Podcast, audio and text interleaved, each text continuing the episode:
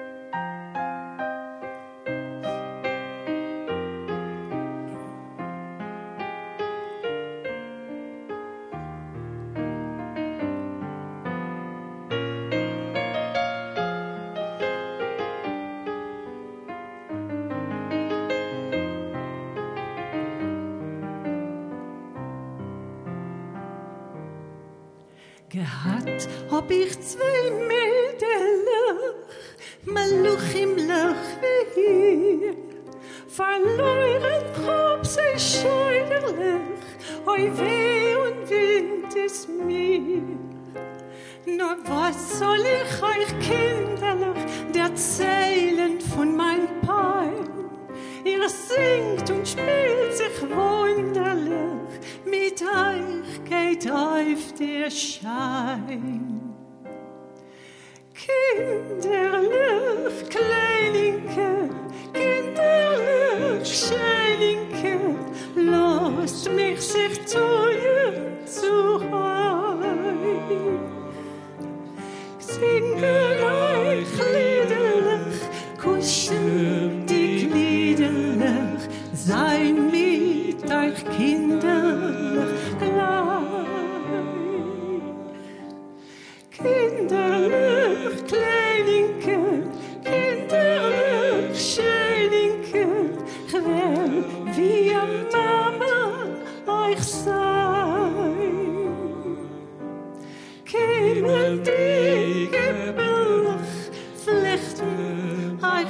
beten.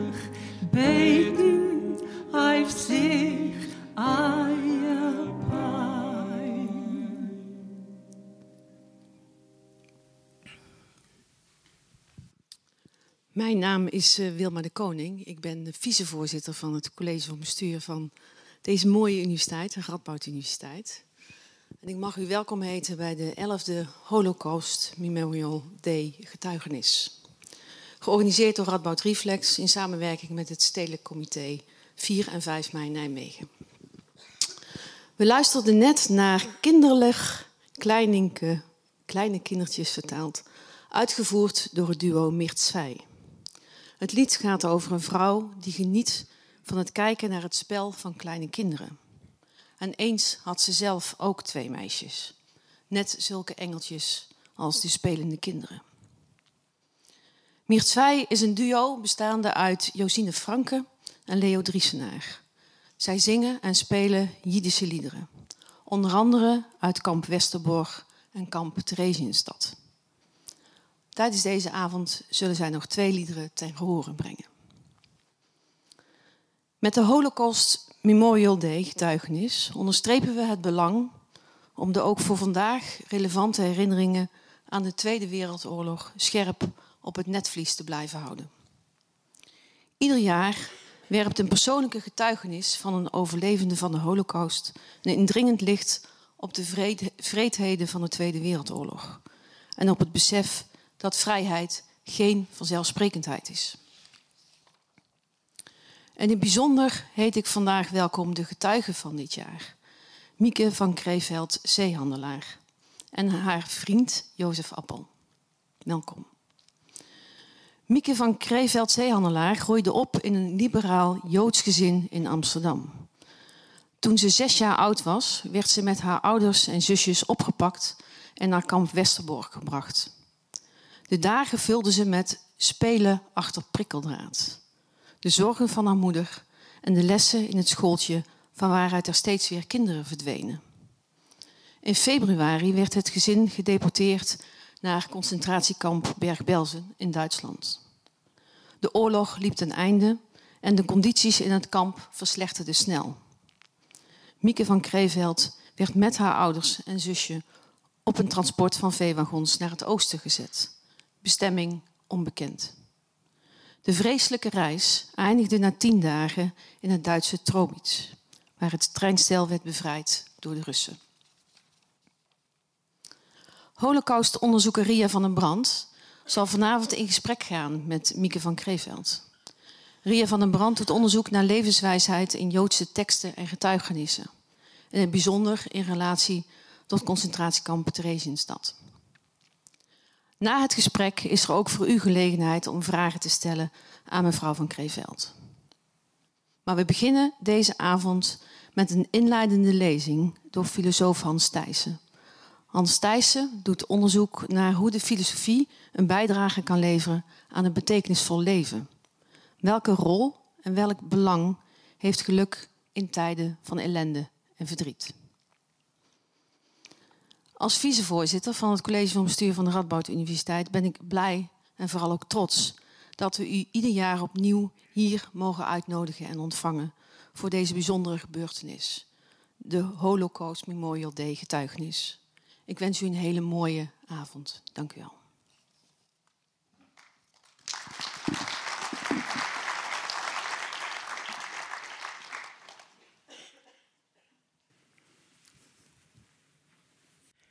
In een boek van Ilse Weber, uh, die in Theresienstadt was met haar gezin, vond ik een tekst, Blauwe Stunde, im Kinderkrankenzimmer.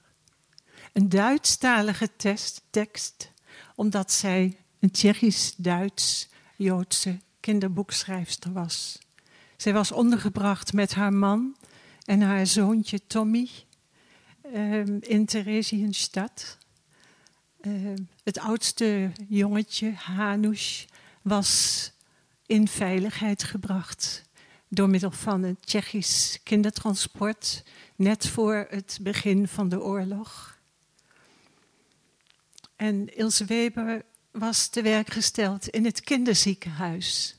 De keuze voor dit, deze tekst is met name, en ook eigenlijk voor de tekst van het vorige lied, omdat mevrouw de getuige kind was, jong kind was.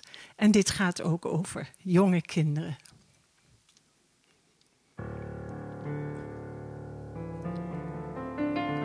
Blauwe Stunde im Kinderkrankenzimmer. Im Westen erlischt des Tages Schimmer. Die Dämmerung huscht ins Krankenzimmer kommt bis an die Krankenbetter gegangen und liegt auf fiebergeröteten Wangen. Es ist die blaue Märchenstunde und es wispert und flüstert in der Runde. Ich war, sagt ein Kleiner mit Kopfverband, im Traum heut im Schlaraffenland. Ich bin unter einem Baum gesessen und durfte fortwährend essen und essen. Was hast du gegessen, will ein Mädel wissen, das großäugig liegt in den grellbunten Kissen. Nun, Kuch, Wurst und allerhand hat, was man so isst im Schlaraffenland.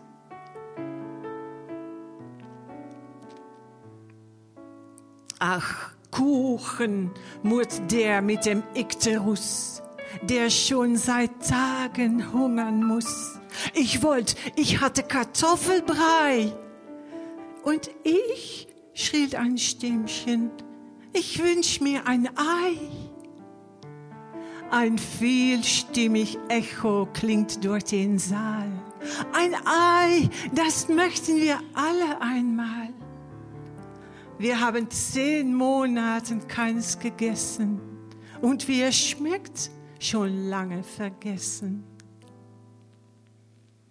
Eine heißere Stimme erhebt sich im Raum.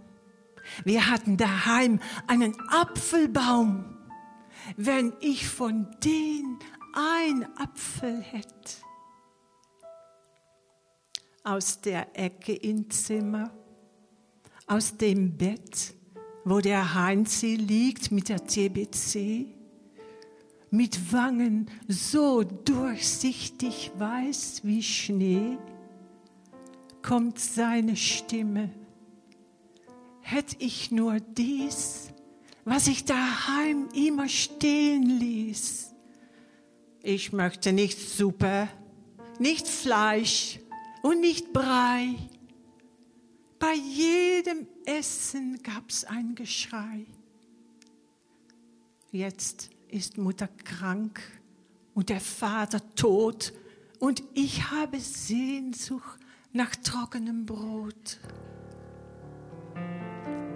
Es ist die blaue Märchenstunde und es wispert und flüstert in der Runde. Mir hat einmal, prahlt Evi und lacht, mein Onkel ein Marzipanschweinchen gebracht. Peterle sieht ganz verträumt in die Ferne. Ich möchte Schokolade zu gerne. Ach was, Schokolade und Marzipan fährt ihm förmlich erbost sein Nachbar an. Einmal Linsen essen, gelbe Erbsen und Bohnen in richtigen großen Portionen. Unterbricht eifrig die kleine Liese und wieder einmal recht viel Gemüse. Spinat und Kraut, Kohlrabi und Möhren, die möchte ich gerne auch roh verzehren. Ich lausch dem Geplauder und das Herz tut mir weh. Denn zum Abendbrot gibt es schwarzen Kaffee. Ach, möchtet ihr bald wieder Kinder sein, mit dem Recht und auf Liebe und Sonnenschein, auf ungebetrübtes Kinderglück, auf runde Wangen, einen hellen Blick dann esst euch nach Herzenslust wieder satt, ihr armen Kinder von Theresienstadt.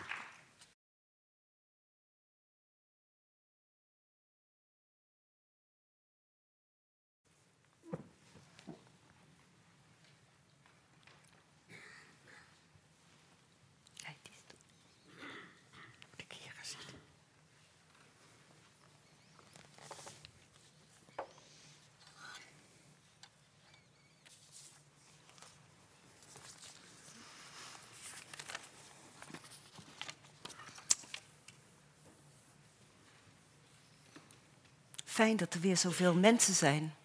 En veel bekenden, hè? Mieke, fantastisch dat je, dat je dit voor ons wil doen. Mieke van Kreeveld is de jongste getuige ooit. Je bent van 1936. Ja. Voordat we verder gaan, ga ik je even een glaasje water inschenken.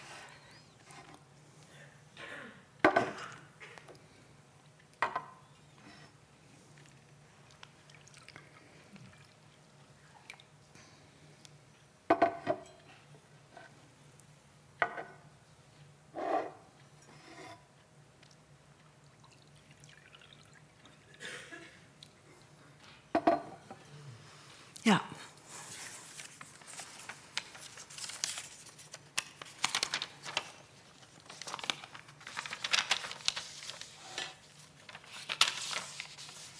Even alles installeren.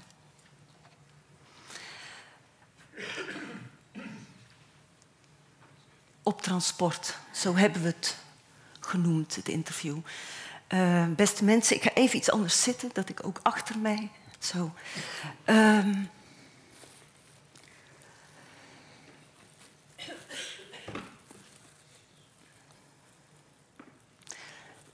Wij zeggen uh, Mieke en Ria tegen elkaar, want we hebben al kennis met elkaar gemaakt en een paar keer met elkaar gesproken. En wij vinden dat, wij vinden het gewoon fijner. Ja, we, we, gaan dat gewoon ja, uh, ja. zo doen. De familie Zeehandelaar, daar heb je ook beeld. Kun je iets vertellen over uh, jouw vroegste leven, over jouw familie? Jouw moeder en jouw vader. Nou ja, veronderstel dat mijn zusje daar net geboren is, want mijn moeder loopt nog in peignoir. Ik weet ook wie die gemaakt is. En ik ben drie jaar, dat weet ik zeker. En ik zit bij mijn vader. En er hangt links boven mijn moeder hangt een tekening. En ik herinner me vaag nog dat ik met mijn vader die gekleurd heb. Mm -hmm. En als detail kan ik vertellen dat ik mijn moeder aangeboden heb om mijn zusje door de wc te spoelen. ja. ik was er dus niet echt gelukkig bij. En ik, uh, ik werd ook bij het, ik geloof bij het gezin van onze huisdokter zo lang geparkeerd totdat die baby er was. En toen naar mijn grootouders in het gooi gebracht. En die hebben de hele tijd tegen mij gezegd dat mijn zusje dat nooit zou doen en die zou niet zo stout zijn, zei mijn moeder. Later heeft mama gezegd dat dat met verlaat pedagogisch inzicht dat dat toch niet zo handig was. maar echt herinneren kan ik. Ik, weet wel dat ik, uh, dat ik uit huis moest doordat zusje kwam. Nou, en dat werd ook niet van tevoren aangekondigd dat er een zusje zo was dat niet. Maar ja. ja. we waren toch een gewoon gezin hoor. Met kijk, leuk speelgoed op de. Ik herinner me die kamer ook nog wel. Ja. En wat, wat voor een gezin waren jullie? Nou ja. ja. Als kind vind je alles gewoon in een gewoon gezin. Mijn moeder was huisvrouw. En mijn vader die werkte bij een of andere firma. En die had economie gestudeerd. Mm -hmm. En. Uh, ja, ik denk dat we het wel goed hadden eigenlijk. Want ik ben dus in die crisis geboren, maar mijn vader is niet werkeloos geweest. Terwijl er toch heel veel mensen werkeloos waren in die tijd. Maar daar ging het niet over. Ja. En jullie woonden toen in, in Amsterdam? De, in Amsterdam, wat nu de Shirtsalaan heet. Mm -hmm. En dat is zo'n. Uh, dat is als je Amsterdam binnenkomt, heb je de wolkenkrabber. Ja, dat zou je nu geen wolkenkrabber meer uh, noemen, want ik geloof dat die maar twaalf verdiepingen hoog is of iets dergelijks. maar die is in 32 is die daar gebouwd en dat is in die buurt eigenlijk die door Berlage ontworpen is. Ja. En we hadden een, ja, een appartement of een flat noemden ze dat, geloof ik. En, uh, en een geweldige dienstbode die was er al toen mijn moeder van de huwelijksreis kwam. Dat was zo in die tijd. En uh, daar was ik heel erg dol op. En die heeft een hele belangrijke rol in mijn oorlog, in, in mijn leven ge, gespeeld. Dat was Lise. Dat was Lise. Ja. Dat was onze Lise. Ja. Die was, eh, toen mijn moeder, dus in 35 was mijn moeder, die was van 1909, maar zij was toen al over de 40. En leerde mijn moeder hoe dat huishouding moest zijn. Want mijn moeder kon geloof ik alleen tomatensoep en andijvie klaarmaken. en verder eh, was het niet. Maar Lise leerde mijn moeder gewoon een stevige burgerpot koken. We waren niet orthodox, wel liberaal. En we waren ook wel lid van Joodse eh, dingen. Maar zo was dat geloof ik voor de oorlog. Dat iedereen was lid van zijn eigen stam. Ja. Eh, en dat waren mijn ouders ook. Mijn vader was, is voorzitter geweest van de Joodse studentenvereniging. En mijn moeder hield zich mee bezig met praktisch Palestina. Maar dat had niets met Palestina te maken. Dat was kraampakketten uitdelen aan arme Joodse vrouwen. En, en wat voor meisje was jij? Oh, ik, Zo'n meisje was jij. eh, ik moest net toen die mevrouw dat zong over dat liedje over dat, dat jongetje eh, weigerde te eten van alle lekkere kinderen. Er zijn bij ons thuis ook scènes geweest dat ik niet heb willen eten. En ik weet dat mijn vader een astma-aanval ontwikkelde omdat ik niet wilde eten. En dan ben je als kind heel schuldig. Maar dat, dus die discrepantie van die, dat is me altijd bijgebleven. Dat ik zo vreselijk honger heb gehad. En dat ik er toch aan, dan wel aan terugdacht dat ik zoveel niet lustte. Dat is Ja. heel erg raar eigenlijk. Maar, Ja. maar dat, ik denk wel dat dat bij heel veel kinderen in de oorlog zo is geweest. Dat je eh, beschaamd terugdacht dat je toen niets had en niet, eh, niets lustte. En later dat je het eten niet had. Ja. ja. Het begin van de oorlog, kun je dat, eh, Ja, dat- goed ik- herinneren? Nou, goed niet, want ik was bijna vier. Dus het, eh, ik herinner me dat alleen dat mijn ouders... Heel veel dingen die ik me herinner van de oorlog... dat was eigenlijk van dat mijn ouders zo zenuwachtig waren. En dat herinner ik me, die rare stemming die er in huis eh, heerste. En we hebben geprobeerd om eh, te vluchten. Dat in die zin dat we in de auto van mijn grootvader met chauffeur naar IJmuiden zijn gereden. En daar een paar uur hebben rond eh, hebben gebracht. Maar ik denk altijd dat mijn ouders niet geprogrammeerd waren om te vluchten. Want dan moet je dat. nee, dat, dat kwam gewoon niet, denk ik, in hun hoofd op. En ik denk ook dat het heel moeilijk was om je voor te stellen waar je dan van zou leven daar als je dan in Engeland was. Het was veel verder weg dan het nu is. Waar je geld uit de muur plukt. En dat was er dus allemaal niet. Ik denk dat dat heel moeilijk was. In ieder geval, mijn moeder had niet voldoende voeding bij zich eh, voor mijn zusje. En eh, die negen maanden was. En nu is achteraf zeg ik, nou, als ze weggewild hadden, dan hadden ze er wel een fles water gegeven, want dat had best gekund. Maar dat is niet ge- gebeurd. En we zijn teruggegaan. En je mocht aan niemand vertellen dat je had geprobeerd te vluchten, want dat was laf. Want onze koningin was ook naar Engeland gevlucht en dat vond iedereen maar eigenlijk niks. En misschien, ik weet, het, ik, ik, ik weet het niet, maar ik heb altijd het idee dat het wel goed is geweest. Want misschien hadden ze anders wel gecollaboreerd. Dus ik denk dat dit beter is geweest. Maar ik weet, ik weet niet, maar het was heel gek. Je mocht het dus niet vertellen dat je. Maar ik vertelde het toch, want ik vond het heel interessant. Eh, en toen gingen we zes weken naar mijn grootouders in. eh, in, het, in die. En mensen die die plaats kennen, die woonden aan de Bredisweg in een mooi huis. En nou, het was net of er geen oorlog was. Mijn zusje en ik kregen kinkhoest. Dat was wel vervelend, maar dat ging ook voorbij.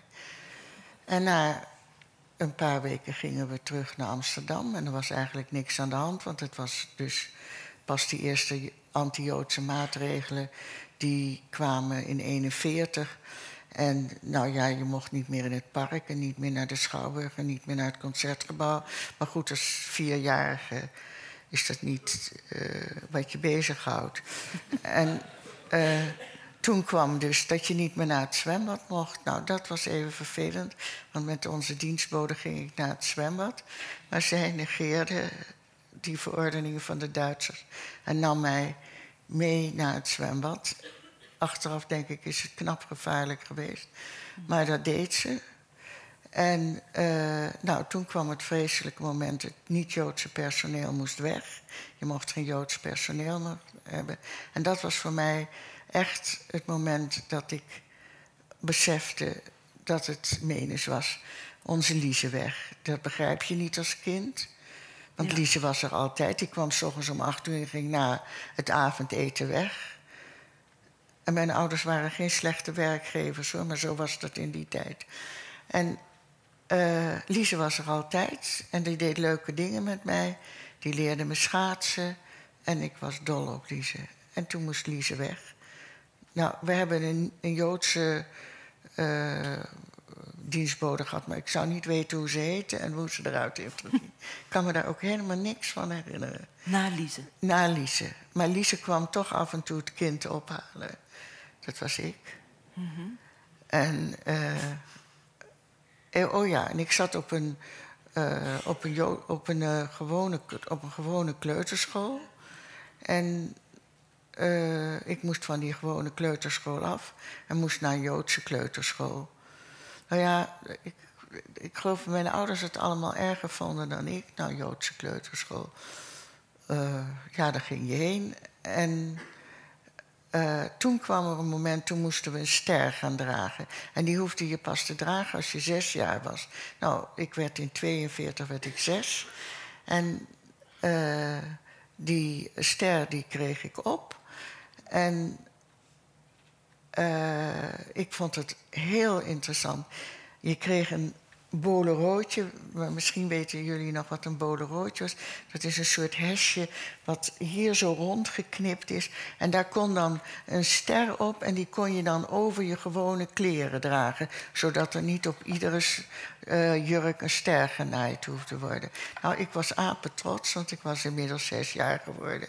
En dat was voor mij toch veel interessanter dan uh, het vreselijke dat je zo'n ster moest dragen ja, je beseft, als kind, het gaat zo anders dan je. Uh, maar ik weet, ik weet dus dat mijn ouders, ik weet hoe vreselijk mijn ouders dat. Dat voelde je gewoon hoe ze reageerden. Ja. Dat, dat was echt vreselijk. Ja, toen, ik ben ook nog wat toen lagere school heet, wat tegenwoordig de basisschool heet. En wat nu groep 3 is, groep 1 zat ik. En daar heb ik 14 dagen gezeten.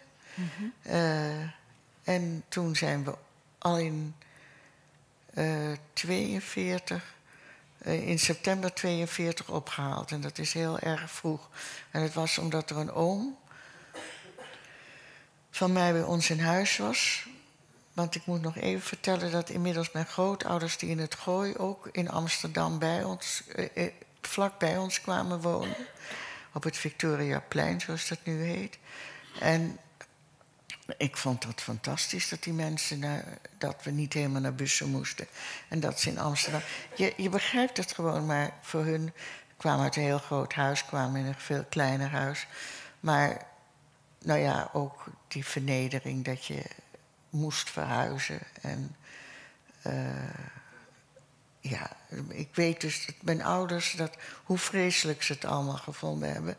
Maar uh, dat je als kind dat toch ja, anders beleeft. Ja. Dat je, je beseft de rijkwijde al van die dingen niet. Mm -hmm. Nou ja, dus 2 september zijn we opgehaald. En ik ben nooit in de Hollandse Schouwburg terechtgekomen. Ik ben nu, ik ben, wij zijn in de Euterpenstraat en daar zat de Sicherheidsdienst zat daar, de SD, in een school. En daar zijn wij, voordat we met de tram naar het Centraal Station en naar Westerbork gingen, uh, even geweest. En uh, die, Lise, dus onze hulp, heeft uh, mijn ouders aangeboden om mij mee te nemen en me onder te laten duiken bij haar ouders, bij haar moeder in. Harlingen. Uh, maar mijn vader wilde dat niet. die vond dat het gezin bij elkaar moest blijven. Ja, de mensen vragen je dan wel eens: vind je dat erg dat hij dat gedaan heeft? Ik ben daar eigenlijk niet ontevreden over. Want ik heb toch hele goede herinneringen hoe mijn ouders zich gedragen hebben in dat kamp en wat ze, uit, wat ze uh, op mij uitstraalden, eerlijk gezegd. Ja, dat, ik vind het niet een slechte, slechte beslissing. Mm -hmm. uh, dus op 2 september 1942 worden jullie opgehaald. Oh, ja. En dan op transport naar Westerbork. Ja. En, en daar kom je dan aan, in, Ho in Hooghalen. Ja. Toen nog Hooghalen. Hooghalen ja. Later is die spoorlijn doorgetrokken mm -hmm. naar Westerbork. Maar toen wij daar aankwamen, was dat nog niet zo. Ja. En daar zat al een zuster van mijn moeder met haar man en twee kinderen. En uh, die heeft gezorgd dat wij niet dezelfde week zijn doorgestuurd naar Auschwitz. En anders had ik dat niet overleefd. En dan was het de kunst in Westerbork om een sper te krijgen. Ja. Uh, en uh, je stond je op een lijst. En wij hebben op een onbetaalde poetskammer gestaan. En meneer Poetkammer was een Duitse meneer die met mijn vader in de jaren 35 of zoiets bij de Rabo, bij de Rotterdamse Bank. Dat is nu wat gefuseerd is met de Amsterdamse Bank. Uh, gewerkt heeft. En die heeft ons. Dus zo'n lijst, dat betekende dat je uitstel kreeg om doorgestuurd, zoals dat in Ja. kamptaal heette, doorgestuurd te worden. En eh, nou ja, die Duitsers interesseerden het eigenlijk niet of mevrouw Polak eerder ging dan meneer Cohen. Eh, als ze maar allemaal gingen en in welke volgorde, dat mochten de Joden zelf bepalen. Nou, dat gaf natuurlijk heel veel ellende en dingest. En dan waren er allerlei lijsten. Misschien weten sommigen van u nog de toestand die er geweest is met die Weinrep-lijst en Renate Rubenstein. Maar zo waren er allerlei lijsten waar je op kon staan. En mijn vader was op een gegeven moment ook directeur van de lagere school. Nou, daar was hij totaal niet voor opgeleid. Hij had ook echt geen idee. Maar uh, dat hield je daar wel. En uh, ik zat op zo'n lagere school. In maar Westerbork, hè? die, in de barak. Maar zo'n lagere school had natuurlijk ook niet... Uh, dat, dat, dat functioneerde niet goed, want die meesters en die juffrouwen gingen op transport. En die kinderen ook. Dus er was nou niet een bepaald uh, uh, systeem of wat. Nou, op een gegeven ogenblik moest ik sommen maken over het tiental en begreep dat totaal niet. En maakte een lijstje met tien sommen die alle tien fout waren. Ik zie het echt nog voor me. En mijn vader komt die klas binnen, ziet dat liggen, vraagt van wie dat werkstukje is. Nou, ik natuurlijk. Nou, dat had hij natuurlijk reeds lang in de gaten. En nou, ik kreeg ontzettend op mijn kop, maar ik begreep gewoon niet hoe die sommen waren. Nou ja, s'avonds is het me uitgelegd en ik kan nu over tiental rekenen. Dat is allemaal. Ja, weet je, dat zijn toch allemaal. Maar het is als kind, ja, vreselijk. Je faalt, hè? Uh, dat uh, op zo'n schooltje. En nou, je zat ook aan een gewone tafel en in een of ander blaadje. En. Uh, nou, op een gegeven moment is mijn moeder heel erg. Mijn zusje heeft roodvonk gekregen. En mijn moeder is heel erg ziek geworden. Die heeft een niervergiftiging gehad. Maar ze had een zwager die internist was. En die heeft er keur. Met alle mogelijke moeite. hebben ze er toch weer levend gekregen. Mijn zusje en ik zijn het weeshuis ingegaan. Nou, dat was echt verschrikkelijk. Dat was, mijn zusje moest naar een andere deel, want het was nog klein.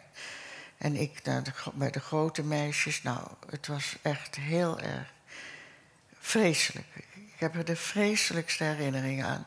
Toen was mijn moeder weer beter. En toen mochten we er niet uit, want toen brak er in Nederland... en dus ook in het kamp Westerbork... een kinderverlamming-epidemie uit. En als de Duitsers ergens bang voor waren... dan was het voor infectieziekten. Nou, toen kwam er dus om het weeshuis kwam een uh, prikkeldraad. Dus het was toen een kamp in een kamp.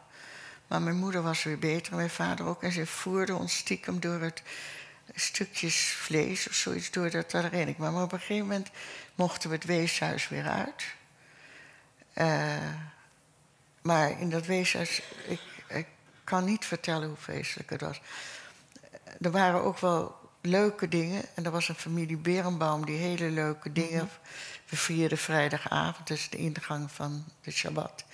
Dat vierden en daar heb ik wel goede herinneringen aan. Maar op iedere dinsdag gingen er ook weeskinderen op transport naar Auschwitz. Achteraf weet je hoe, wat er met die kinderen allemaal is gebeurd. Het, vreselijke herinnering heb ik eraan. Echt heel erg. Maar gelukkig werden mijn ouders weer beter. En uh, mocht ik het weeshuis weer uit.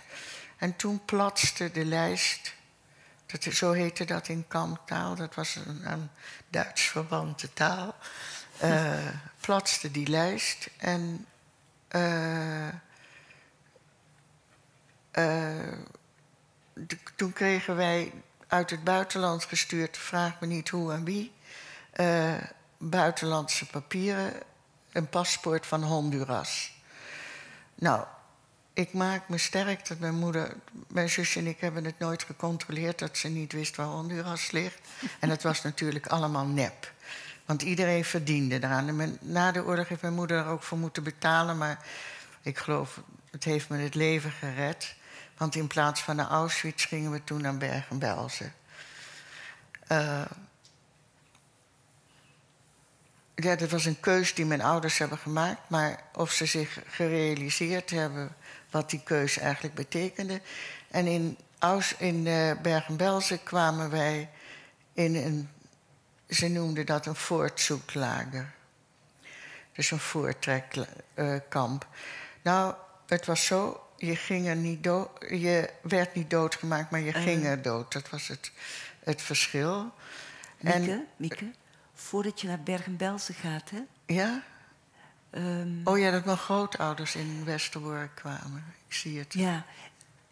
En uh, je vertelde mij ook een keer dat je in Westerbork eigenlijk ook meer vertrouwd bent geraakt met, met Joodse gewoontes. Dat, je ja. ook, uh, dat vind ik ook wel interessant als je daar nog even iets oh, over ja. vertelt. Nou ja, dus daar waren ook vrome Joden en die voerden vrijdagavond. Nou, dat, had, dat deden wij allemaal niet. Nou, ik vond dat fantastisch liedjes zingen en ik heb daar echt goede herinneringen aan. Ik, ik, uh, uh, ik ben ook ja, zeer lief, ja, niet gelovig eigenlijk. Maar ik heb daar hele goede herinneringen aan. Die mensen waar ik dat bij vierde en zo. Want mijn ouders deden dat niet. Uh, we hadden nog net geen kerstboom, maar uh, verder.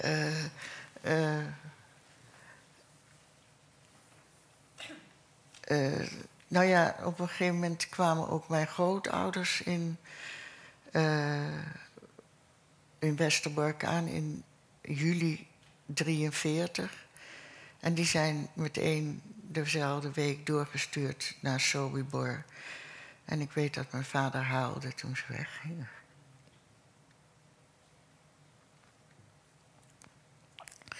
Iedere week ging er zo'n trein weg. Met geloof 350 mensen of zoiets. Ja. Echt vreselijk. En nou ja, die grootouders met een oom en een tante, die zijn niet teruggekomen hele lieve mensen.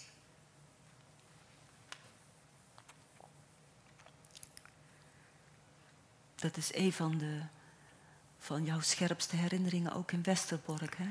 Nou ja, dan komt het heel dicht bij je. En ja. heel raar, een paar jaar geleden is er, één of twee jaar geleden, is er voor de televisie, ik weet niet wie dat gezien heeft, een documentaire gemaakt over een mevrouw die in, in Amerika leefde. Mm -hmm. Heb je dat gezien? Ze is onlangs gestorven, ja. Ben even, uh, ja ze, Selma heet ze. Nee, ze heette uh, geen nee, Selma. Uh, de, kinda, de, ki, de, ja. kin, de, kinderen heten Mirna en Glenda. Maar hoe zij heten, weet ik niet meer. Mm -hmm. Ze heten van, zichzelf, ze van een mansnaam La Parra. En die twee kindertjes die zijn in Auschwitz vergast. En er is nog maar heel kort geleden eh, ze heeft na de oorlog nog een kind gekregen, maar nou ja, die werd altijd vergeleken bij die twee engeltjes die er niet meer waren. Daar moest ik heel erg aan denken toen ik dat eerste liedje hier zag. Mhm. Maar die kindertjes heb ik wel gespeeld, ja. Ja, ik heb geluk gehad. Ja. Want je had ook eh, in Westerbork had je ook vriendjes, hè? Vriendinnetjes. Je speelde in Ja, Westerbork. ik, kinderen spelen, maar dat zie je dus ook altijd met die foto's van die vluchtelingenkinderen. Die spelen ook. Je speelt, ik, ja, ziekenhuisje speelde ik en weet ik veel, ja, verborgen schat ergens onder. In een greppeltje of zo, ja. Je speelde en er waren ook wel mensen die dingen met ons deden. En eh, mijn, ja, we waren ook bij elkaar. En mijn vader probeerde me altijd wel wat te leren en zo. Hij had soms niet het juiste idee wat een kind van zes jaar kon leren. maar dat, dat was altijd een beetje moeilijk. Want, eh, En, en jullie hadden in, eh, in Westerbork ook nog wel een familieleven. Ja, dat was ook in Bergen-Belsen was dat. We- we- werd, eh, eh, op, op, op een bepaalde manier eh, functioneerden wij nog niet alsnog wel als familie. Ja. En dat was heel knap eigenlijk. Van, dat sommige kinderen, eh, vooral als die ouders dan bijvoorbeeld stierven, die zwierven dan gewoon rond in zo'n Ja. kamp. Want niemand bekommerde zich om die kinderen. Dat is dus ook zo vreselijk. Dat als in slechte omstandigheden zorgen mensen niet lief voor kinderen. Dat moeten we maar eens goed in je hoofd prenten. Hoe, hoe vreselijk dat is. En hoe ontzettend slecht het is dat onze regering die kinderen niet terug wil halen. Die nu met hun wat domme moeders voor, eh, daar naar dat eh, kalifaat zijn gegaan. Ik vind het echt verschrikkelijk dat die kinderen niet teruggehaald worden. Dat vind ik echt een zo'n slechte zaak. Er is ook echt geen. Moeten we niet een kabinetscrisis verhalen? Moeten kinderen moeten gewoon terughalen. Maar het vervelende is dat sukkels als ik dat niet voor elkaar kunnen krijgen. Ja, dat, eh, ik vind dat echt heel erg. Ik, heb, ik ben daar eh, altijd ja, eh, toch wel mee bezig als ik dat hoor. Want ik heb echt ondervonden dat als de omstandigheden slecht zijn, kinderen, eh, kinderen echt de dupe zijn daarvan. En daarin, in Westerbork, heb je dus dan ook ondervonden dat je, dat je nog wel je ouders had. Ja, een soort maar- van gezinsleven. Maar, maar, ja, we hadden, maar ook in Bergen-Belsen Ja. nog een soort van gezinsleven. Ja. Ja, ja. Mijn ouders waren er. Ja, mijn moeder heeft bijvoorbeeld heel goed gezorgd dat we, dat we schoon bleven in Bergen-Belsen. We werden iedere ochtend poelennaakt werden we gewassen. En eh, ja, dat was toch een hele kunst om te zorgen dat je in, in die moeilijke omstandigheden in leven bleef. Ja. ja, dus op een gegeven moment ga je naar Bergen-Belsen, februari 44. Nog in een nette trein. Nog in een redelijk nette trein, Trein, hè? ja. ja. Eh, Ja.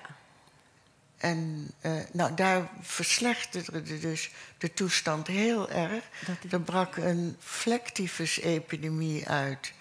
En dat is een frontziekte die veroorzaakt wordt door, eh, hoe heet dat, door eh, kleerluizen. En eh, nou ja, dat, is, dat, komt alleen aan het front voor, schijnbaar. Tegenwoordig ook niet meer natuurlijk. Maar, en dat gaat met hele hoge koorts en soms hersenvliesontsteking. Daar gingen heel veel mensen aan dood. En nou, het stikte verder van het ongedierte. En nou, er was veel, vooral later veel te weinig eten. En, eh, want in Duitsland was ook niet genoeg eten.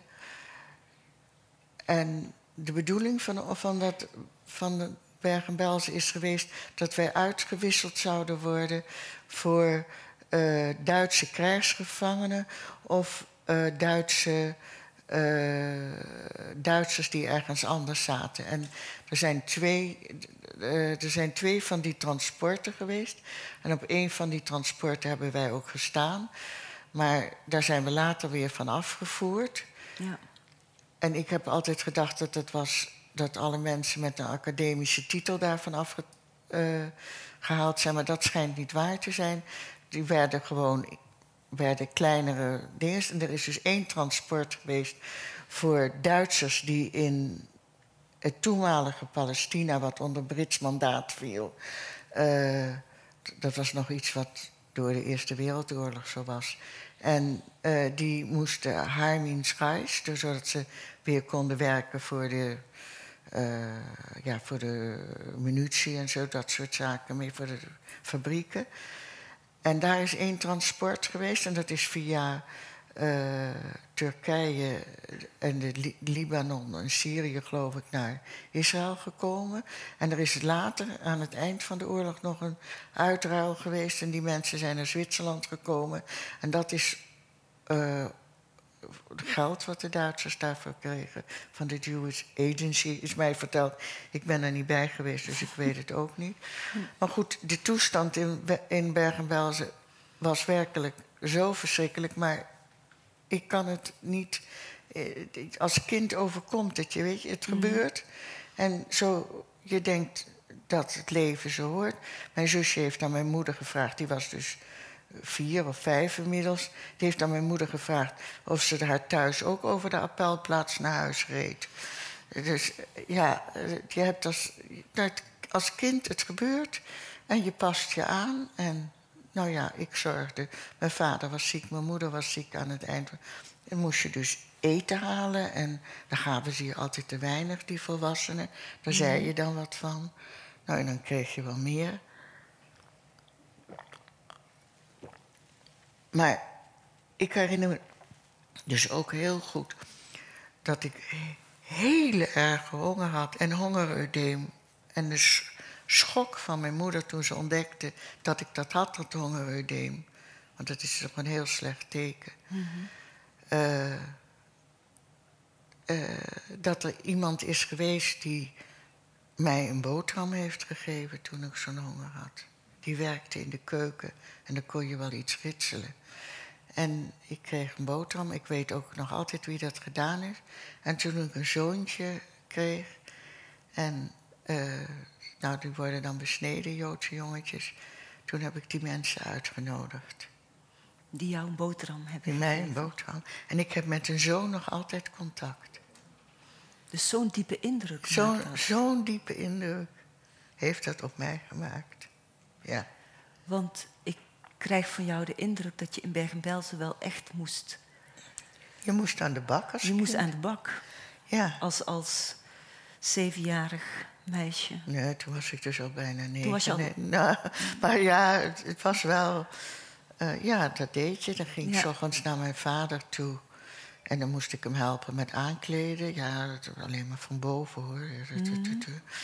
Maar dat was heel, heel eng eh, op zo'n ziekenzaal. Dat mensen, ja, mensen waren doodziek en ja, vreselijk was het.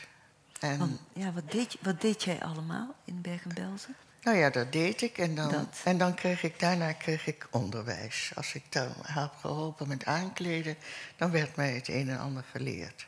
Door jouw vader? Door mijn vader, ja. Dat was altijd. En hij vertelde altijd over hoe het was. Hoe het was. Uh, de leuke dingen die hij gedaan, gevaard had, gevaren had in Zwitserland. En als we de, hij had toch altijd hoop dat we die oorlog zouden overleven. Tot dat transport van die Anna Frank in uh, Bergen-Belsen kwam. Ja. Die hebben niet in hetzelfde kamp gezeten. Want Bergen-Belsen was een heel groot kampcomplex waar allemaal verschillende concentratiekampjes waren. En zij is naar een ander kamp gebracht. Ik geloof dat het tenten waren. En dat kon je wel zien. Maar die mensen schreeuwden over het prikkeldraad heen wat er in Auschwitz gebeurde. En toen heeft mijn vader tegen mij gezegd dat hij niet dacht dat mijn grootouders nog zouden leven. En dat herinner ik me nog. En ik moest een adres in Amsterdam uit mijn hoofd leren als ik alleen terug zou komen. Ja. Maar dat deed ik. En niet dat ik angstig werd of zoiets. Maar toch voelde je wel als kind... Nou, dat het heel penibel was, hoor. Je zag, Ja. ja, je zag ja, ook mensen doodgaan. En je als achtjarige kon je zien als dat eraan kwam. Ja, is toch een beetje, beetje raar natuurlijk. Maar dat is het rare als je als kind in die omstandigheden opgroeit. Ja, je denkt dat het gewoon is, dat het, eh, het hoort bij het leven. Ja. Ik had nog wel een vaag idee dat er Amsterdam was, dat eh, het mooie leven. Nou ja, en toen aan het. eh, maar ze hebben mij dus niet verteld dat die gaskamers er waren. Maar ze, volgens mij wisten mijn ouders dat toen wel. En toen aan het eind, dus dat kamp is ergens. eh, Dan moet ik even reconstrueren. eh wij zijn ongeveer 10 april uit, Westerbork, uit de Bergen-Belsen weggevoerd. En eh, toen in, een, in een goederenwagen met stro op de grond. En allemaal zieke mensen. Mijn vader was toen al doodziek. En eh, nou ja, met ik weet niet hoeveel mensen in zo'n veewagen. Er waren wel eh, ook gewone, een paar gewone wagens, maar wij lagen in ieder geval in zo'n veewagen. En heb jij dat te- tekeningetje van die rit die we toen door Ja. Duitsland gemaakt hebben? Ja. Dus we gingen uit Bergen-Belsen, dat zie je liggen. En dan gaan we eerst omhoog, Ja. in de richting Maagdenburg. En dan zakken we af via Berlijn. En ik herinner me dat we in Berlijn stonden en de mensen tegen ons riepen dat de oorlog bijna afgelopen was. En toen gingen we ja, daarna vlakbij Chemnitz, het is niet zo ver van Leipzig af. En daar stopte die trein. Er was ook nog een heel ingewikkeld verhaal, maar dat weet ik niet precies. En eh, mijn vader is aan, in die trein waarschijnlijk aan vlektyfus overleden. Want als je dan erg uitgeteerd was en, volwa- eh, en volwas, die volwassenen kregen dan vlektyfus, dan overleefde je dat niet. Het hele hoge koorts en er waren geen medicijnen. We werden door de Russen bevrijd. En dat waren mannen op paardjes, dat waren stoottroepen. En die, eh, dat waren geen Russen, die mensen kwamen uit Mongolië. Want de Russen hadden de gewoonte om mensen te laten vechten in streken waar ze de taal niet spraken, zodat ze niet zich konden verenigen met het volk dat daar. Tenminste, dat is mij altijd verteld hoor, ik heb het zelf niet bedacht. en toen werden we dus bevrijd door de Russen. En die Russen die hadden niets. Die hadden, kijk, de Amerikanen die hadden een, eh een ambulancetrein en, en Rode Kruis eh, verplegers bij zich. Nou, dat hadden, hadden die Russen helemaal niet. Die hadden bij zich hompen kug. Dat is een soort legerbrood. Dat, dat was gedroogd. Er waren hompen. Dat gooiden ze ons toe, of we beesten waren. En daar kon je op kluiven en had je geen honger. Dus daar klo- kloof je op. En die zeiden, weet je wat jullie doen? Jullie gaan dat dorp in en jullie roven maar wat je hebben wil. Nou, ik deed dat. En ik heb inderdaad... ik had een fiets. Ik had een... Maar ik kon niet fietsen. En ik, had een, een tas en ik had vier wekflessen geroofd. En dat zat, zag er prachtig uit. Want die Duitsers kunnen heel goed wekken. Ja, dat doet nu, man, nu niemand meer. Maar in Kleef is nog een winkel waar je die top kunt kopen. Ga ik in naartoe. Ja, Ja. ja weg, eh, dus... eh, en toen had ik vier en toen dacht ik, nou als ik dat heb, dan wordt mijn vader wel beter. Want ik had echt het idee dat eten alles op zou lossen. En toen had ik dus vier van die, maar ik kon niet fietsen. Eh, Vier wekflessen is heel erg zwaar, ik weet niet of je dat weet. Nou, toen wilde wel iemand me helpen, maar toen moest ik natuurlijk ook een wekfles afstaan. was heel erg, was dat. Maar ja, dat moest wel. En de fiets hadden ze ook ingepikt. Maar goed, ik kwam bij die trein, maar die bekflessen hebben me niet geholpen. Mijn vader is twee dagen na de bevrijding overleden. Dat heeft niet geholpen. Nou, en toen zaten we daar in dat dorp. Ja. Uh, een deel van de bevolking was weggetrokken en wij zaten in een boerderij. Nou nee, het was helemaal geen boerderijtje. Ik ben, hebben, ik ben er met mijn zusje terug geweest. Mijn zusje en ik hadden het idee dat het een schattig huisje was. Het was een soort uh, keet, wat arbeiders hier hebben, weet je wel. Die bij, maar tegenwoordig hebben ze ook mooiere keten. Het, heel, het, uh, maar het stond er nog toen we er in 95 waren. Mm -hmm. En uh, nou ja, het was helemaal niks. En we kwamen daar aan. En die mevrouw dacht dat we van de Rundfunk waren. Want mijn zusje sprak Duits met ze, die nam de leiding. En uh, nou, die mevrouw begon te vertellen hoe het geweest was. De ene mevrouw wist het helemaal niet, want het was van na de oorlog. En de andere mevrouw die wist het wel. En die vertelde ook dat hadden die joden hadden die vlektyfus gebracht.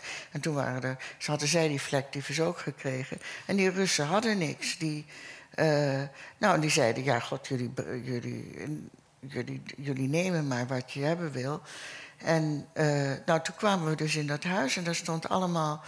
Uh, kopjes en schoteltjes. En daar stond voor je trouwdag, voor het 25-jarig huwelijk. Alles in het Duits natuurlijk.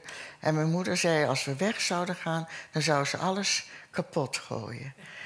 En wij hebben altijd gedacht. Mijn zusje en ik wachten, wachten dus na de oorlog nog altijd dat ze dat stuk zou gooien. Maar de beschaving kwam snel terug. Mm -hmm. En dus nooit, we zijn daar weggegaan, maar ze heeft het nooit stuk gegooid. En uh, nou ja, we hebben daar weken gezeten. En op een gegeven moment hadden die Russen ook uh, een soort wagens. En daar werden je kleren ingestopt en waarschijnlijk gas of zo. Om, ja, werd, werd de boel ontluist. En nou, er waren dus bij de transport zaten wel Joodse doktoren. En die hebben ook wel gedaan, maar er, was helemaal niks. Er was, was ternauwernood een koortswerend middel en dat was natuurlijk heel erg nodig. En er zijn nog een. Dus die trein die ging weg uit Bergen-Belsen en die had 200, uh, 2500 mensen ongeveer. En daar waren er al 350 dood toen we daar in Treubitz aankwamen. En er zijn er geloof ik in Treubitz ook nog ontzettend veel overleden.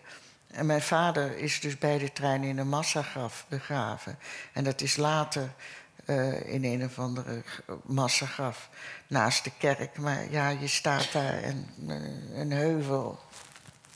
Ja, ik, heb er, ik ben, ben er twee keer geweest. Ik ben nog een keer terug geweest met Duitse vrienden in uh, twee of drie jaar geleden. Mm -hmm. En de huisjes waar we woonden, die zijn nu onbewoonbaar verklaard. Mm -hmm. Maar het had wel iets weg van een overwinning dat je daar bent. En ja, jij bent er nog. Dat is toch wel heel bijzonder. Ja. ja. En jullie gaan op een gegeven moment terug naar Nederland. Ja. Als je... ja, dat is, dat is... Dat is dan je je volgende trauma wat je krijgt. Ja, dat is heel, heel moeilijk. Want niemand sprak erover. Alsof het de gewoonste zaak van de wereld was. Ik kwam uh, bij een oom en tante van mijn, mo mijn moeder. In de, we, we, we kwamen. Uh, om te beginnen heeft de Nederlandse regering niets gedaan om ons terug te halen. Niemand zei waar zouden die mensen zijn. Ja. Dus, en maar op een gegeven moment kwam, kwam er een Nederlandse soldaat met andere soldaten mee. Kijken daar in dat Treubitz en die ontdekte ons en die heeft het doorgegeven aan het Reus, Rode Kruis. En toen mochten we eerst niet weg, pas als je vlektyfus had gehad, mocht je weg. Ja, dat is allemaal even gek natuurlijk. Maar goed, op een gegeven moment zei iedereen dat hij vlektyfus had. Want ik heb dat. ik, heb dat ook, ik heb dat ook gehad. En uh, door de echt uitstekende zorg van mijn moeder uh, heb ik dat overleefd. Maar, uh, en eh, toen zijn we dus, gingen we weg en toen kwamen we eerst in Leipzig aan. En dan werden we in een school gestopt. En dat was toen nog veel nog onder Brits gezag. Dat is na de Oder-Neisse conferentie is dat uh, Russisch geworden. En daar werden we met flitsspuiten uh, en DDT werden we ontluist. Mhm. En het, daar heb ik mijn eerste bier gedronken. Want daar, als, je, als, je in de rij, als je een reis zag staan, dan ging je daarin staan. Want daar was iets te halen. ja, ja, weet je, je, achteraf kan je er wel om lachen. Maar zo was je dus afgericht. En nou, dat bier dat was echt teleurstellend. Het was niet lekker. Sommige mensen zag je dat heel lekker. Die dronken dat, maar als kind vind je dat niet lekker. Dus, nou. En toen, mijn moeder had ook nog twee kinderen bij zich van iemand anders. Uh, die ouders waren beide overleden. En mama had beloofd dat ze die kinderen mee zou nemen. Die waren ouder dan ik was. En die jongen had heel zwaar TB. En mijn moeder was een hele adequate vrouw. En die eh, heeft gezorgd dat we in een ambulancetrein terug naar Nederland zijn gekomen. Door de Amerikanen, in een Amerikaanse ambulancetrein. En het was net een lui lekker dan. Jullie kunt je niet voorstellen wat van. Je kreeg kauwgum, nou dat had ik nog nooit van mijn leven gehad. Snoep wat, wat bleef. Ja, was heel bijzonder. En chocola gaven ze ons. En die soldaten die daar waren, die waren heel erg lief voor ons. En uh, je kreeg pap en witte brood, het leek wel cake. Nou, je, hoort hoe ik erover praat. Het was. Ja, je kunt het je niet voorstellen mm. wat dat was eigenlijk. En uh, nou, door Duitsland, wat volledig kapot was. En ik moet ook nog even vertellen dat ik met mijn, met mijn moeder en mijn zusje in de tram ben geweest in Leipzig. En we zaten met onze voetjes op de stoel. En een of andere Duitser zei tegen mijn moeder dat wij de voetjes van de stoel moesten halen. Maar mijn moeder zei dat wij nu mochten besluiten om de voetjes op de stoel te leggen. nou ja, ik zag dus dat. Ik, ik, herinner me dus hoe ontzettend kapot dat Leipzig was. Er stonden we reden door straten waar alleen maar de front van die huizen nog stonden. Ik herinner me nog hoe kapot dat was. En dat was eigenlijk dat hele Duitsland waar we door teruggingen, dat zag je dus overal. Dat heeft ontzettende indruk op me gemaakt. Dat dat zo verwoest was door die bombardementen. Het was ongelooflijk uh, hoe dat eruit zag. En toen kwamen we met die trein eerst even in Maastricht, maar we gingen door naar Luik. En uh, toen zaten we weer in een school en weer ja, weet ik veel. Ik weet ook niet meer precies hoe dat ging. En daar was een man van de UNRWA, een soldaat, of een major, major Elzas. En major Elzas was in, eh, die is door mijn moeder aangesproken. Want mijn grootmoeder heette ook Elzas. En uh, die had dus die zieke jongen bij zich. En die heeft zich toen over die jongen ontfermd met zijn zusje. En wij zijn naar Maastricht gebracht. En hebben daar nog een paar weken op Kasteel Oost gezeten. Dat is ergens een kasteel in de buurt van Maastricht. Maar het heet anders en ik ben er nog wel eens geweest. Nog wel eens wezen kijken. En toen zijn we opgehaald door een oom van mijn moeder. En daar zijn we in huis geweest zes weken. Die woonde in Den Bosch. Die was in onderwijl. Die had in Banneu ondergedoken gezeten. En die was katholiek geworden. Maar nou ja, dan katholiek. Het was wel goed. Nooit een woord over gevallen. Uh, en daar zijn we zes weken in huis geweest. En toen ben ik naar de nonnetjes een week op school geweest. Nou, dat was ook fantastisch. Want die hoofdnon is me later verteld. Die had gezegd, als ze, als ze me zouden pesten... Dan, zou zouden vreselijke straffen volgen. Dus ik, en die kindertjes namen fruit voor me mee. En ik had een kaal kopie, want mijn moeder had het haar eraf gehaald. Tegen de luizen. Nou, dat is verschrikkelijk, want NSB-vrouwen die met de moffen hadden gehuld... die waren ook kaal geknipt, dus dat was allemaal verschrikkelijk. Nou ja, toen moest ik een klas terug, want ik zou naar de vierde gaan, maar dat kon natuurlijk niet, want ik kon niet lezen en niet schrijven eigenlijk. En uh, nou ja, toen moest ik naar de derde klas. Nou, dat vond ik al heel verschrikkelijk. En, uh, en toen moest ik dus in Nederland naar school. Nou ja, dat is echt een drama geweest, want ik uh, kwam daar op school en de meester die gescheiden was, werd verliefd op mijn moeder en mijn moeder wilde hem niet hebben. En die man heeft wraak op mij genomen. ja, je, je, houdt het niet voor mogelijk, maar. En mijn moeder heeft mij dat pas verteld. Dus ik heb dat wel ervaren, dat die man heel lelijk tegen me was. En ik wilde altijd zo graag lief gevonden worden. Maar dat gebeurde dus niet. En ik was natuurlijk ook ja, niet aantrekkelijk met dat korte haar. En andere meisjes waren, die zagen, ja, die hadden het allemaal niet meegemaakt. Het was verschrikkelijk. En ik ben, ik was, dat weet ik nu, een beetje dyslectisch. Dus ik deed het ook nog heel slecht. Ik kon wel rekenen, maar niet taal. Ik maak, maakte fouten. Ook 25 fouten in een dicté met tien regels. en, als ik het, en als, ze er tien, als ik er tien maakte, dan schreven ze eronder... zie je wel als je maar wilt. Maar dat was, dat was helemaal niet daardoor. Nou, je, je kunt je niet voorstellen... het heeft toch mijn hele schoolleven echt verpest. Het is, nooit, het is nooit goed gekomen. Uh, en ja, echt heel verschrikkelijk. En ja, ik kan er nu wel om lachen. Maar het was wel heel naar. En toen kwam dus 5 mei 1946. Bijeenkomst in de gymnastiekzaal. Daar werden uh, de gevallenen van de oorlog herdacht. Nou, allemaal vaders die op schepen hadden gezeten en weet ik veel wat allemaal voor narigheid. Maar mijn vader niet, werd niet genoemd. Nou, daar stond je dan in je eentje. Ja. En je kon aan niemand. Ik, ik kan het nu wel vertellen, maar ik heb het nooit aan iemand verteld hoe vreselijk dat was. Ja, ja dat is. Er is in Treubitz, dat is dus dat dorp. Daar is dus een, uh, een, uh, een monument en daar staat de naam van mijn vader op. En die bloemetjes heb ik er dus twee jaar geleden gebracht. En toen was ik dus met een Duitse vriendin, waar ik, uh, die ik heb leren kennen in Nederland, Israël. En uh, die is met me meegegaan met haar man. En toen hebben we een fantastisch weekend daar gehad. En dat dorp, dat was ook totaal niet veranderd. Het is zo gek. Dus het is nu zo lang na de oorlog. En ja, er is niet eens een café waar je iets kan gebruiken. Er is, helemaal, er is er nou nood een winkel. Mhm.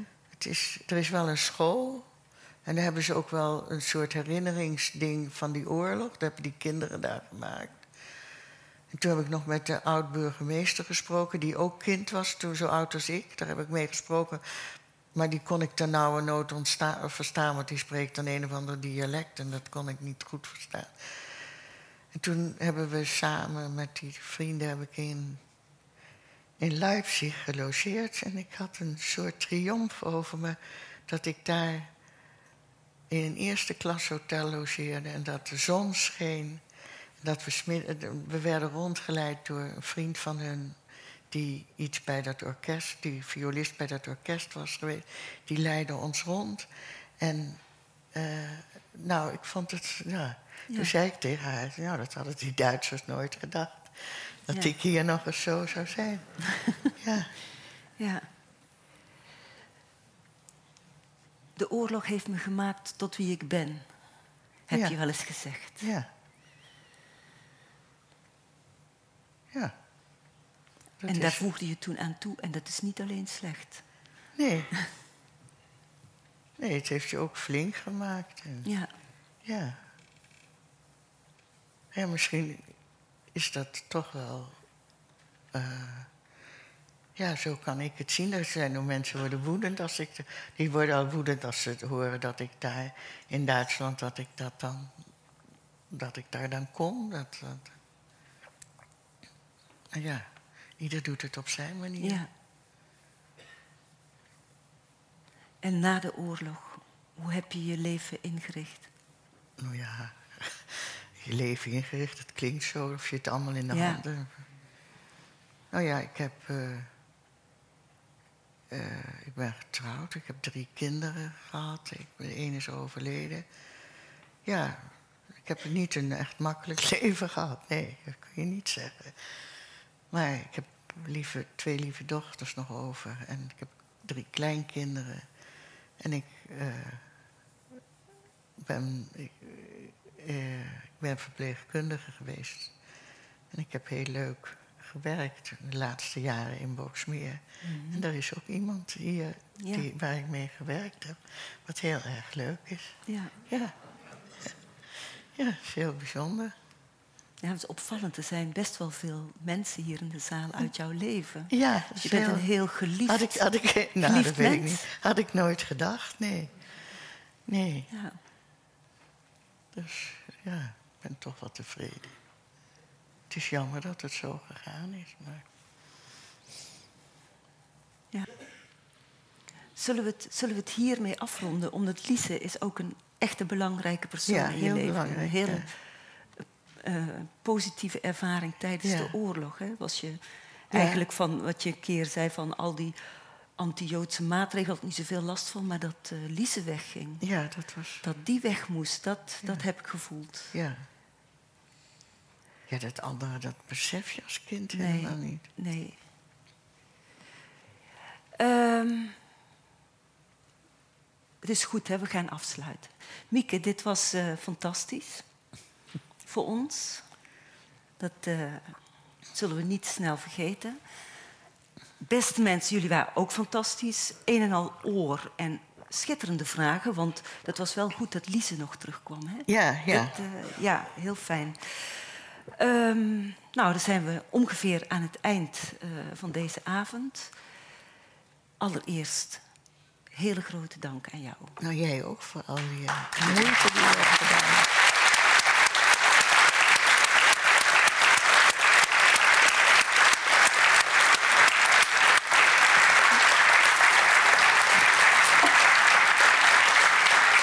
Wat een schattig boeket. Heerlijk. Dank je wel. Nou, het was...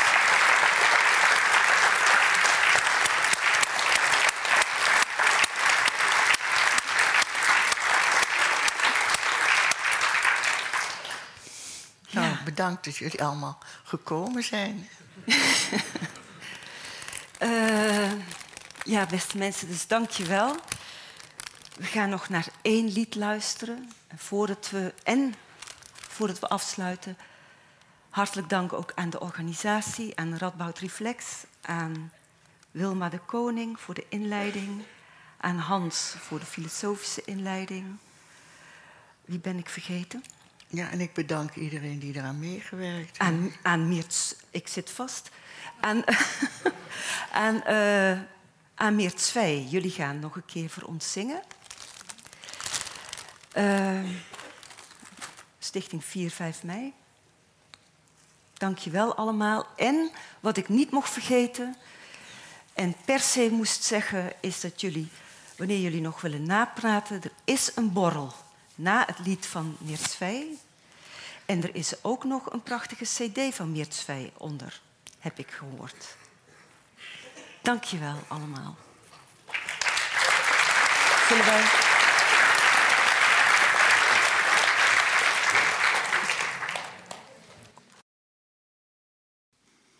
Ik sta onder een Johannesbroodboom. Ik kwam daar, maar het was een moeilijke weg. Ik zit onder een vijgenboom en rondom is het groen en wijd. Ik lig onder een amandelboom, die verscheen in een droom aan mij. Een Johannesbroodboom, een vijgenboom een amandelboom. In mijn oog een traan, haast niet in te houden.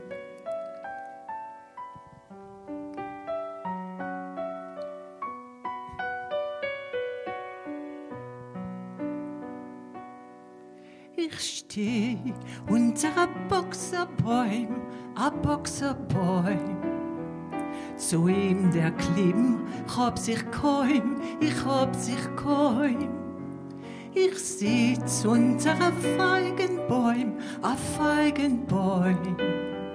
Arom ist grün, arom ist grün, es ist grün und grün. Ich lieg unter a Mandelbäum, a Mandelbäum. Er ist geweht bei mir in Träum, bei mir in Träum. Ich lieg unter a Mandelbäum, a Mandelbäum. Er ist geweht bei mir in Träum, bei mir in Träum. A Boxerbäum, a Feigenbäum, a Mandelbäum in euger Träg, halt ein sich kaum.